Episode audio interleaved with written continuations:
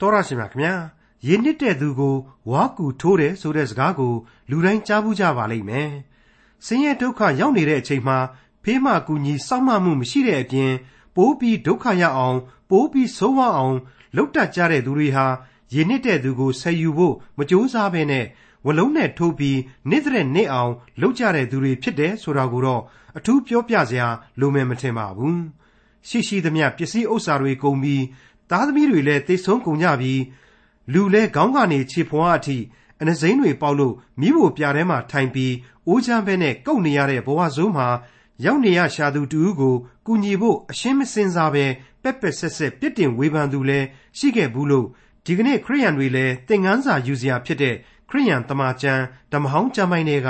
ယောဘဝတ္ထုအခန်းကြီး၄နဲ့အခန်းကြီး9တို့ကိုဒီကနေ့တင်ပြရသောတမန်ကျမ်းအစီအစဉ်မှာလေ့လာမှာဖြစ်ပါတယ်။ ၆ပါးသော အမှုသာမကခုနှစ်ပါးသော အမှုကနေပြီးတော့လဲလွတ်မြောက်ခဲ့ရတယ်ဆိုတဲ့ယောဘဝတ္ထုအခန်းကြီး၄နဲ့အခန်းကြီး9တို့ကိုဒေါက်တာထွန်းမြတ်ရေးကအခုလိုရှင်းလင်းဖော်ပြထားပါတယ်။မိတ်ဆွေတော်တတ်ရှင်အပေါင်းတို့ခမညာဒီကနေ့ဖို့မှာတော့ယောဘဝတ္ထုအခန်းကြီး၄နဲ့9ကိုကျွန်တော်တို့တပေါင်းတည်းလေ့လာသွားကြရပါတော့မယ်။ကျွန်တော်တို့သိထားခဲ့တဲ့အတိုင်းပဲ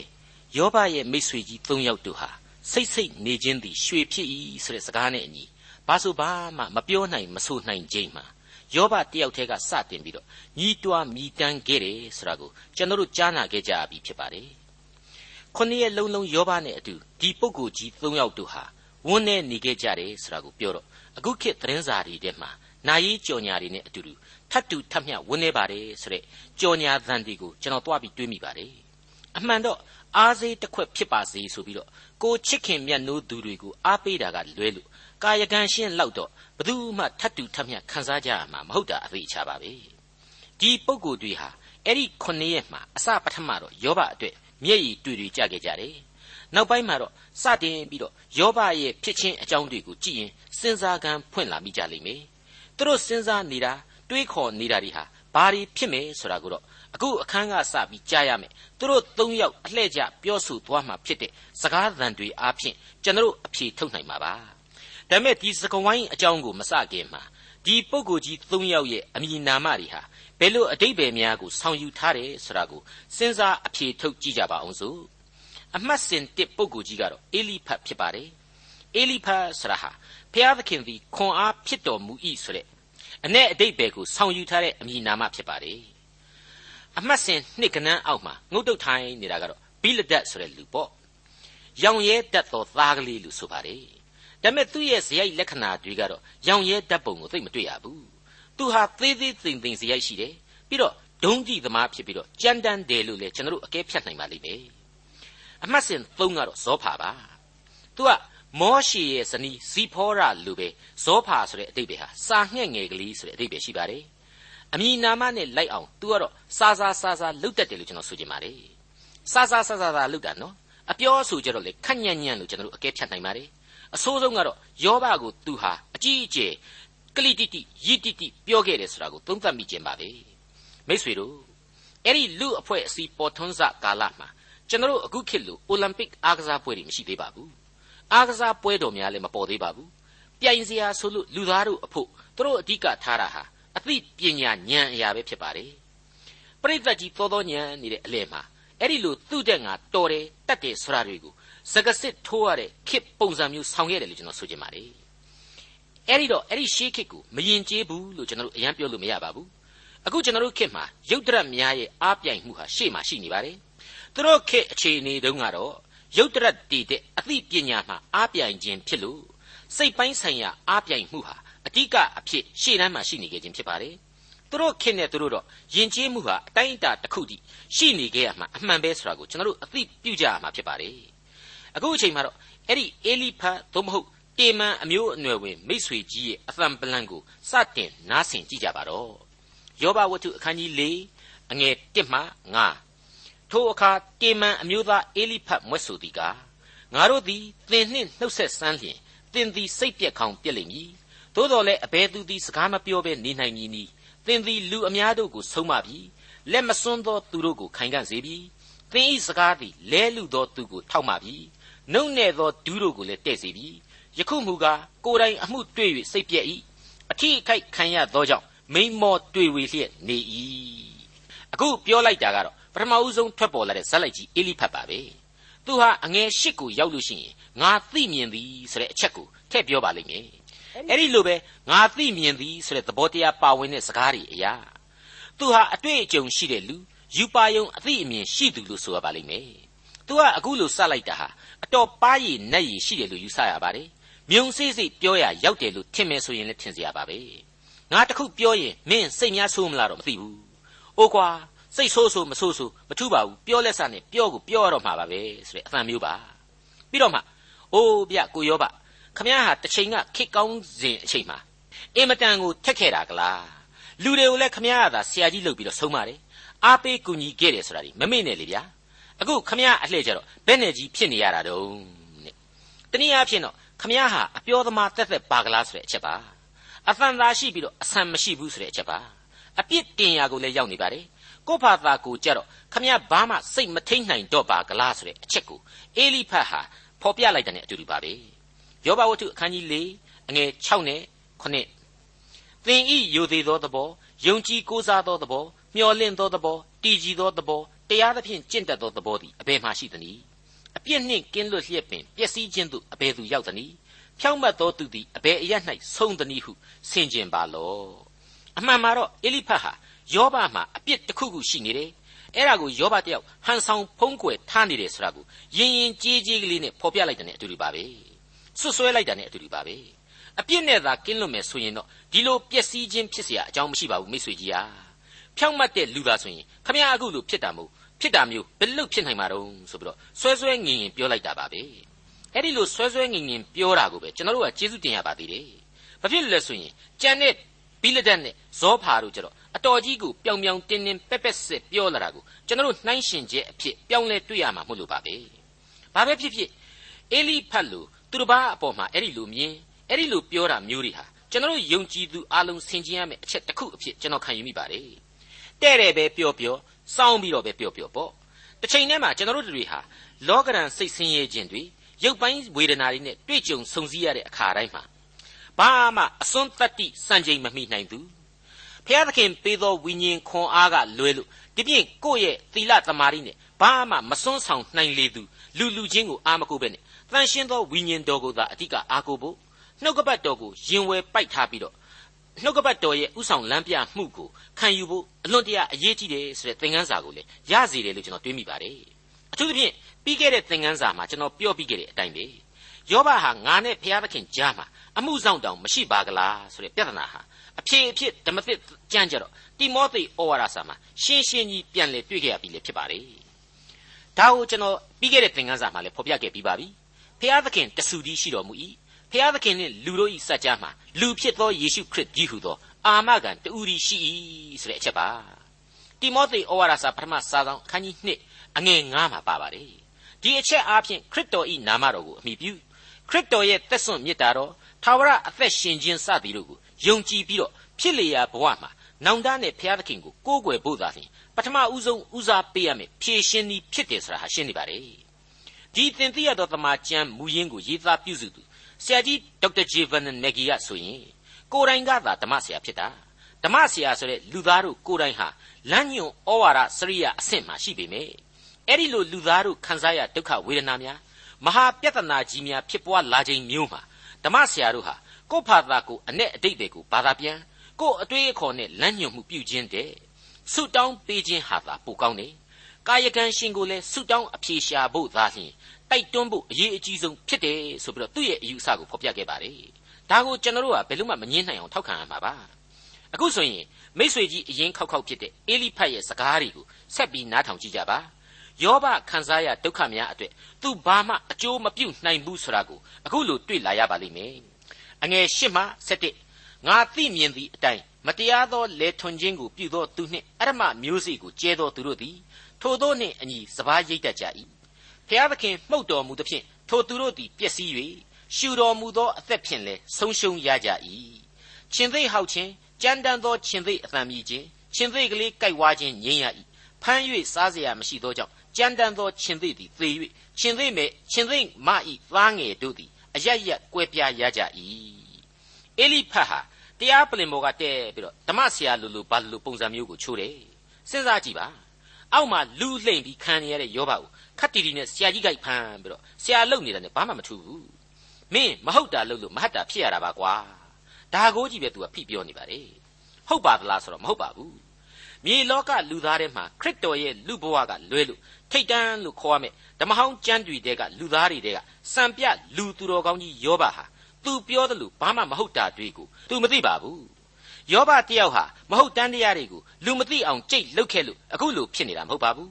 ဖျားသခင်ရဲ့တင်းကျပ်စွာပြုပြင်တော်မူခြင်းကိုခံရတာသာဖြစ်ပါတယ်ဒါတွေကိုယောဘဝတ္ထုအခန်းကြီး1နဲ့2တို့ကလေးကကျွန်တော်တို့တွေ့ကြရပြီးသားပါအဲ့ဒီမှာအထူးဂရုပြုရမယ့်အချက်ကတော့ဖျားသခင်ကနေပြီးတော့စာရန်ကိုမင်းကြိုက်ရလို့အသက်ကိုတော့ယောဘစီမှာလွတ်စေတဲ့အဲ့ဒီအချက်ပါဟုတ်ပါတယ်မြင့်မြတ်သောဝိညာဉ်အသက်တာရဲ့သာဝရရှင်သန်ခြင်းဆရာဟာဘုရားသခင်မှတပါဘယ်သူမှပေးပိုင်ခွင့်မရှိပါဘူး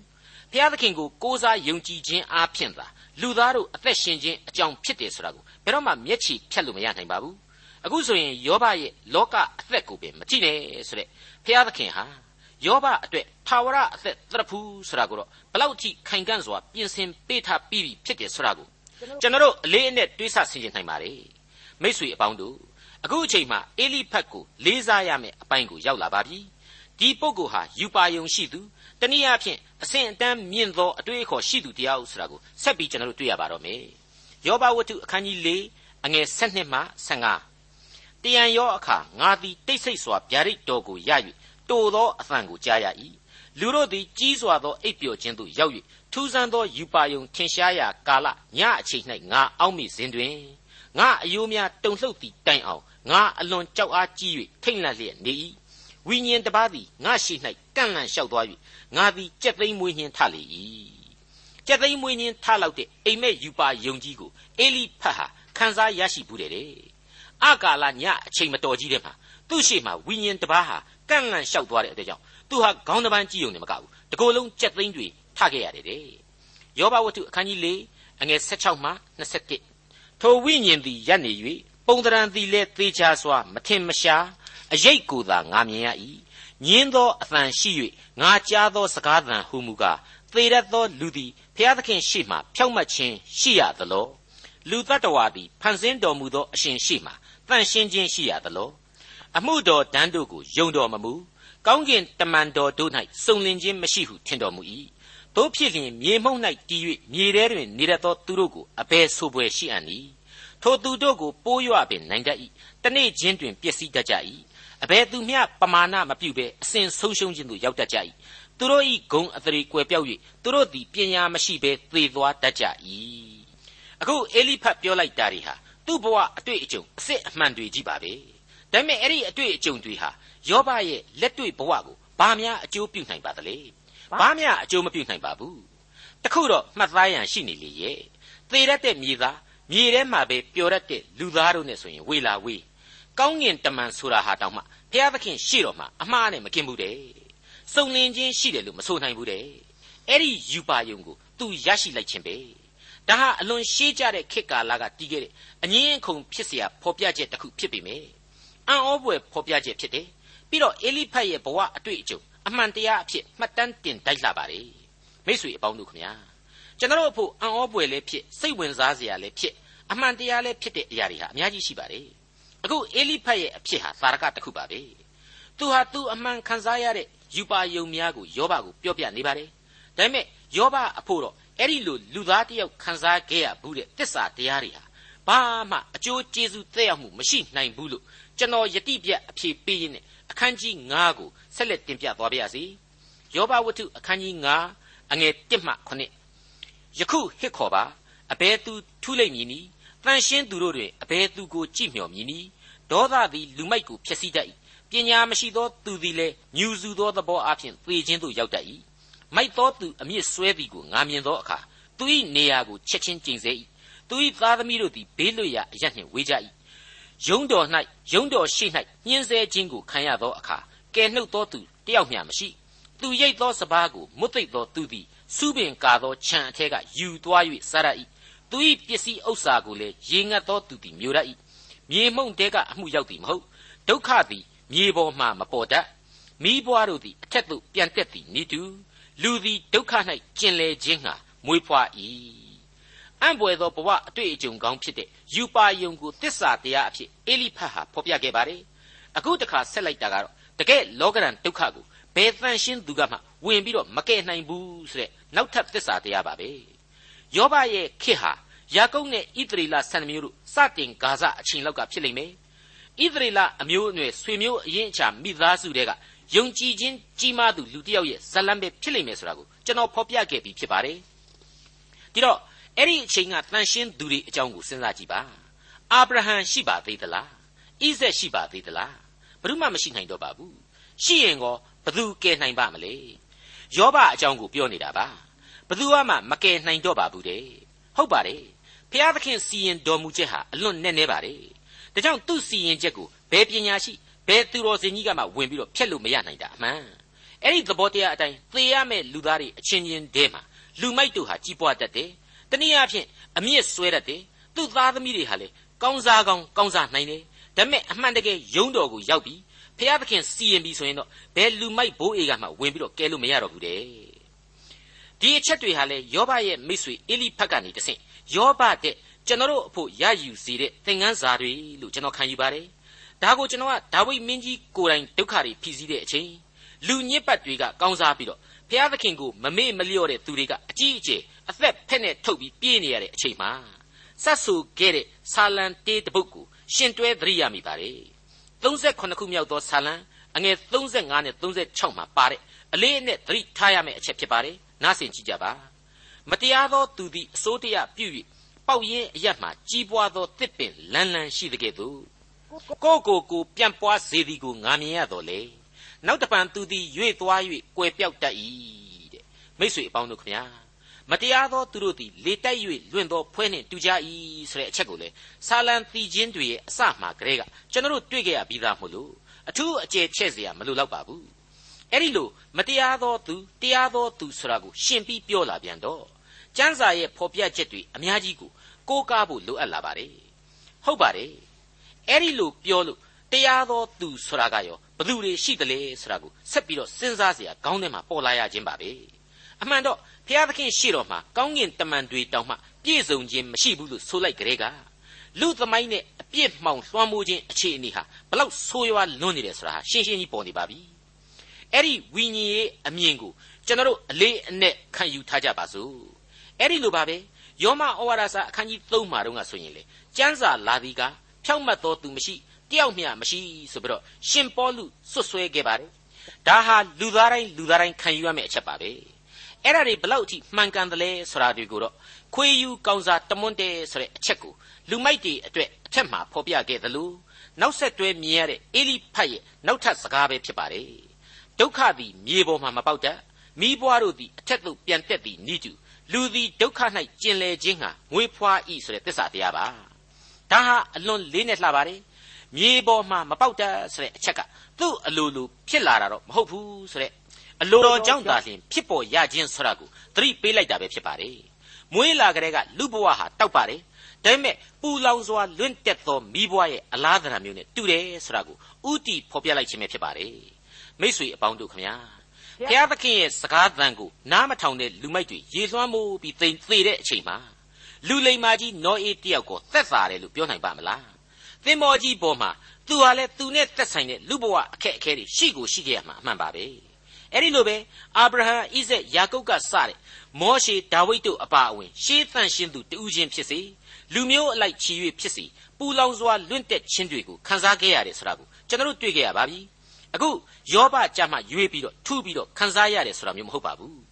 ထုတယ်ဆိုတာကတော့ယောဘသည်ထုကဲစွာနှင့်စုံလင်ဖြောက်မှတ်သူဖြစ်ခြင်းဆိုတဲ့အချက်ပါအနှစ်ချုပ်ကတော့ဖြောက်မှတ်သောသူတယောက်အဖြစ်ထိတ်တန်းကရှိနေသူလို့ဆိုထားခဲ့တဲ့လူကြီးလူကောင်းယောဘခံစားရတဲ့ပြင်းထန်တဲ့ဝေဒနာဟာဘုရားသခင်အလိုတော်ကနေရောက်ရှိလာတဲ့ဝေဒနာဖြစ်တယ်ဒီအချက်ဟာဇတ်နာအောင်ဖန်တီးခြင်းမဟုတ်သလိုမကျေနပ်စရာကောင်းအောင်လည်းမဟုတ်အကျွင်းမဲ့တကိုးတော်နဲ့ပြည့်စုံသော အနန္တတကုရှင်ဘုရားသခင်အကြောင်းကိုလူသားတို့ဟာညံဘယ်လိုမှမမိနိုင်သည့်တိုင်အောင်ပုံမိုသိနာလေခြင်းရှိစေရန်အတွက်တော့အလွန်လေးနဲ့သောသင်ခန်းစာများနဲ့သင်ကြားပေးသွားမှာအသေးအချာပဲဆိုတဲ့အချက်ပါပဲယောဘဝတ္ထုအခန်းကြီး9အငယ်8မှ16ငါမူကားဖဖျားသခင်ကိုမျှော်လင့်မည်ကိုအမှုကိုဖျားသခင်၌အပ်မည်ဖျားသခင်သည်ကြီးသောအမှုစစ်၍မကုန်နိုင်သောအမှုရေတွက်၍မဆုံးအံ့ဩပွေသောအမှုတို့ကိုပြုတော်မူ၏ မြေပေါ်မှမိုးရွာစေသဖြင့်လေတို့၌ရေကိုပေးတော်မူ၏ထိုသို့နှိမ့်ချလျက်ရှိသောသူတို့ကိုချီးမြှောက်တော်မူ၏ညိုညင်သောသူတို့ကိုလည်းဝမ်းသာစေတော်မူ၏ပရိယေပြုသောသူတို့၏အမှုကိုမအောင်မြင်စေခြင်းဟာသူတို့အကြံကိုဖျက်တော်မူ၏ပညာရှိတို့ကိုသူတို့၏ပရိယေအားဖြင့်ဖန်ဆီးတော်မူ၏လှည့်စားတတ်သောသူတို့၏တိုင်ပင်ခြင်းကိုအချီးအနှီးဖြစ်စေတော်မူ၏ထိုသူတို့သည်နေ့အချိန်၌မှောင်မိုက်ကိုတွေ့၍ညအချိန်၌ညအချိန်၌ကဲ့သို့မွန်းတဲ့အချိန်၌စမ်းသပ်လျက်သွားလာရကြ၏ ထိုသူတို့ကိုစီရင်သောဓာဘိမှ၎င်းအာကြီးသောသူတို့၏လက်မှ၎င်းဆင်းရဲသားတို့ကိုကယ်နှုတ်တော်မူ၏ထိုသို့ဆင်းရဲသားတို့သည်မျှော်လင့်ရာအခွင့်ရှိကြ၏အရမသည်လည်းမိမိနှုတ်ကိုပိတ်ထားရ၏အေလိဖတ်ရဲ့အလွန်နုနယ်လှပတဲ့စကားသံတွေဖြစ်ပါတယ်ဒါပေမဲ့ယောဘနဲ့ဘုရားသခင်ရဲ့အလိုတော်ဘုရားသခင်အလိုတော်နဲ့ယောဘဒါတွေထိဆက်နေခြင်းကိုအေလိဖတ်အရှင်းနားမလည်ခဲ့ပါဘူးဒါကြောင့်လဲဒီသစ္စာစကားလှလှများတို့ဟာ ယောဘရဲ့စိတ်ဝေဒနာများအတွက်ဘယ်လို့မှအာဟာရတစ်ခုကိုပြုစုမပေးနိုင်ခဲ့ပါဘူးယောဘဝတ္ထုအခန်းကြီး9အငယ်16မှ29အပြစ်နှင့်အလျောက်ဘုရားသခင်စစ်ဆေးတော်မူခြင်းကိုခံရသောသူသည်မင်္ဂလာရှိ၏ထို့ကြောင့်အနန္တတကုရှင်ဘုရားသခင်ဆုံးမတော်မူခြင်းကိုမထီမဲ့မြင်မပြုပါနှင့်ထိုအရှင်သည်အနာကိုဖြစ်စေ၍ထိုအနာကိုလည်းစီးတော်မူ၏ဒဏ်ခတ်တော်မူ၍လက်တော်၌တက်သာစေတော်မူ၏သင်ကို အမှု6ပါးတဲ့ကနှုတ်ယူတော်မူသည်သာမကခုနှစ်ပါးသောအမှု၌လည်းဘေးစုံတစ်ခုကိုမျှမထိမခိုက်ရအစာခေါင်းပါသောအခါသေဘေးမှ၎င်းစစ်တိုက်သောအခါဓာဘေးမှ၎င်းသင်ကိုရွေးနှုတ်တော်မူလိမ့်မည်သင်သည်ကဲ့ရဲ့ခြင်းဘေးနှင့်ကင်းလွတ်၍ပျက်စီးခြင်းဘေးသို့ရောက်တော်လဲမကြောက်ရပျက်စီးခြင်းဘေးနှင့်အစာခေါင်းပါခြင်းဘေးကိုရေမော၍တောသားရဲတို့ကိုလည်းမကြောက်ရအကြောင်းမူကားလယ်၌ကြောက်ခဲတို့သည်သင်နှင့်ဗြိညင်ပြု၍ တောသားရဲတို့သည်သင်နှင့်မိသဟာယဖွဲ့ကြလိမ့်မည်သင်သည်ကိုအိမ်၌ငြိမ်သက်ခြင်းရှိကြောင်းကိုတွေ့၍ကိုနေရာအရက်သို့ပြန်ရောက်သောအခါစိတ်ပျက်စရာအကြောင်းမရှိရသင်၌သားသမီးများပြား၍သင်အမျိုးအနွယ်သည်မြေပေါ်မှမျက်ပင်နှင့်အမျှဖြစ်ကြောင်းကိုတွေ့မြင်ရလိမ့်မည်အချိန်တန်လျင်သိမ့်ယူသောကောက်လှိုင်းကဲ့သို့သင်သည်အသက်ကြီးရင်၍သင်ချိုင်းသို့ရောက်ရလိမ့်မည်ဤအမှုကိုငါတို့သည်စစ်ဆေး၍ယခုပြောသည့်အတိုင်းမှန်ပါ၏နားထောင်ပါ အသင့်နှလုံးသွင်းထားပါဟုမွဲ့ဆို၏ဘုရားသခင်ကနေပြီးတော့အပြည့်အလျောက်စစ်ဆေးမယ်ဆိုရင်မင်္ဂလာအလွန်ရှိပါတယ်ကွာဘုရားသခင်ဆုံးမခြင်းကိုမင်းမထီမဲ့မြင်မပြုတ်ပါနဲ့ဆိုတဲ့စကားတွေဟာအလွန်အကြားရလွယ်ကူတဲ့စကားသံတွေလှပတဲ့အဆိုအဖွဲတွေဖြစ်တယ်ဆိုတာကိုကျွန်တော်တို့ဘယ်လို့မှမငြင်းနိုင်ပါဘူးဒါပေမဲ့ဒီအသံဟာဒီအသံရဲ့အတိတ်ပဲဟာပါလေတကယ်တော့သူ့ဖာသာသူဘလောက်ပဲလှပနေနေဘလောက်ပဲခန့်ထည်နေနေ အန်ချော်နေတဲ့စကားတွေဖြစ်နေတယ်ဒီအသံတွေဟာယောဘမှာအပြစ်တစ်ခုလျှို့ဝှက်လှုပ်ထားလို့ဆိုတဲ့စွတ်စွဲသံတွေအဖြစ်နောက်ထပ်ပေါ်ထွက်လာပြန်တာပဲလို့ကျွန်တော်အတိတ်ပဲပြန်ဆိုချင်ပါတယ်ဒီအချက်တွေအပြင်အေလိဖတ်ဟာဘုရားသခင်နဲ့ပတ်သက်တဲ့မှန်ကန်သောတစ္ဆာတရားတွေကိုဆိုနိုင်သူလို့ကျွန်တော်တို့မြင်နိုင်ပါတယ်ဒါပေမဲ့ယောဘရဲ့ပြစ်စက်ကပြဿနာတွေနဲ့သူ့စကားတွေဟာဘာဆိုဘာမှမဆိုင်ဘူးလို့လေတစ်ဖက်ကရှင်းရှင်းကြီးမြင်နေရပါတယ် သူဟာဘုရားသခင်အလိုတော်ရဲ့အနှစ်သာရဘိုင်းအထိမမြင်နိုင်သေးပါဘူးဒါကြောင့်ယောဘအတွက်အားစေးတစ်ခွက်သူ့စကားတွေဟာဖြစ်မလာနိုင်ပါဘူးအဲ့ဒီလိုအားစေးမဖြစ်နိုင်တဲ့အတွက်လေလာမယ့်အခန်းတွေမှာတော့ယောဘဟာသူ့ကိုအပြစ်အလျောက်အပြစ်ကြွေးတွေပေးဆက်နေရတယ်ဆိုပြီးတော့စွတ်စွဲခြင်းမျိုးကိုမခံနိုင်မဲနဲ့တုံ့ပြန်စကားတွေဘယ်လိုပြောလာမယ်ဆိုတာကိုကျွန်တော်တို့ဆက်လက်ပြီးကြားနာသွားကြရမှာဖြစ်ပါတယ်မိတ်ဆွေအပေါင်းတို့ခမညာဒီအချက်ကိုကျွန်တော်ဟာပို့ပြီးတော့ထင်ရှားစေခြင်းတဲ့အတွက်ကြောင့် ပြီးခဲ့တဲ့သင်ခန်းစာတွေမှာကလေးကနှုတ်ကပတ်တော်မှာပါဝင်တဲ့လူသားတွေပြောသမျှအကုန်လုံးဟာဝိညာဉ်တော်မှုတ်သွင်းတာမဟုတ်ဘူးဒါပေမဲ့ဒီစကားတွေအားဖြင့်ပေါ်ထွက်လာတဲ့လူသားတွေရဲ့နှလုံးသားတွေလူသားတွေရဲ့အကျင့်အကြံအပြုအမူတွေနဲ့အခြေခံအချက်တွေပေါ်မှာတန်ရှင်းသောဝိညာဉ်တော်ဟာပေါ်ပြလိုခြင်းဖြစ်တယ်အတိတ်ဘယ်ကိုအဲ့ဒီနည်းနဲ့သာယူရမယ်ဆိုတာကိုပြောခဲ့ပြီးဖြစ်ပါတယ်အခုအေလိဖတ်ရဲ့စကားတွေဟာလေဒီအတိုင်းပါပဲအလွန်ကောင်းမွန်တဲ့စကားတွေတစ္ဆာစကားတွေတော့မှန်တယ်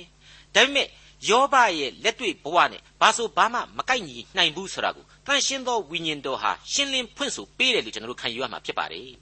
အခုအချိန်မှာယောဘရဲ့အလွန်ချစ်ခင်လေးစားအပ်သောမိတ်ဆွေကြီးအေလိဖတ်ကနေပြီးတော့သင်ကိုအမှု6ပါးတဲကနေကယ်တင်မယ်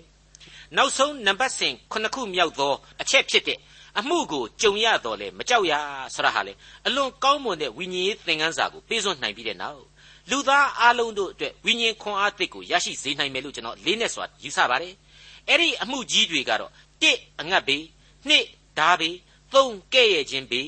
4ဖြက်စီးခြင်းဘေး5အစာခေါင်းပါခြင်းဘေး6တောသားရဲ့ဇိုးတို့ရဲ့ဘေးများပဲဖြစ်ပါတယ်နောက်ဆုံးနံပါတ်9ခုမြောက်သောဘေးကတော့သေခြင်းဆိုတဲ့ဘေးကြီးပဲဖြစ်ပါတယ် အဲ့ဒီလိုဘေးအပေါင်းရန်အပေါင်းကနေဘုရားသခင်ဟာလူသားတို့ကိုကယ်တင်နိုင်သောသခင်ဖြစ်တယ်လို့အေလိဖတ်ပြောဆိုတာတွေဟာသူ့ရဲ့ဘဝသင်ခန်းစာတွေကိုကောင်းနိုးရာရာပြောဆိုပြီးတဲ့နောက်ယောဘကိုတက်တာရာတက်တာကြောင့်ဖြစ်စေဖို့အတွက်နှစ်သိမ့်ပေးတာတော့အမှန်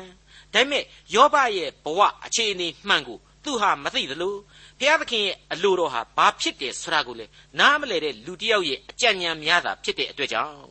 နားထောင်လို့ကောင်းတဲ့အဆင့်တက်တော့ဘာမှမပို့ဘူး ယောဘအဖို့လဲဘာမှအကျိုးကျေးဇူးရှိမလာနိုင်ခဲ့ဘူး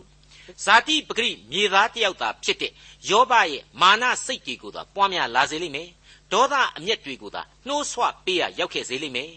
ဘာဖြစ်လို့လဲဆိုတော့ယောဘဟာစုံလင်ဖြောင့်မတ်ခြင်းအပေါ်မှာသူ့ကိုယ်သူစွဲလန်းနေတဲ့လူတစ်ယောက်ဖြစ်တယ်မာမာနရှိနေတဲ့လူတစ်ယောက်ဖြစ်တယ်ဒါကြောင့်မို့လို့လေနောင်လာမယ့်အစီအစဉ်တွေမှာယောဘတယောက်သူ့ကိုဘယ်လိုဘယ်လိုတုံ့ပြန်ပြောဆိုသွားအောင်မယ်ဆိုတာကိုဆက်လက်စောင့်စားနားဆွင့်ဖို့လိုအပ်ပါတယ်ခင်ဗျာ ဒေါက်တာထွန်းမြတ်ရေးစီစဉ်တင်ဆက်တဲ့တင်ပြရတော်တမချန်းအစီအစဉ်ဖြစ်ပါတယ်နောက်တစ်ချိန်အစီအစဉ်မှာခရိယန်တမချန်းဓမ္မဟောင်းကျမ်းပိုင်းတွေကယောဘဝိတ္ထုအခန်းကြီး6နဲ့အခန်းကြီး9တို့ကိုလေ့လာမှဖြစ်တဲ့အတွက်စောင့်မျှော်နားဆင်နိုင်ပါတယ်။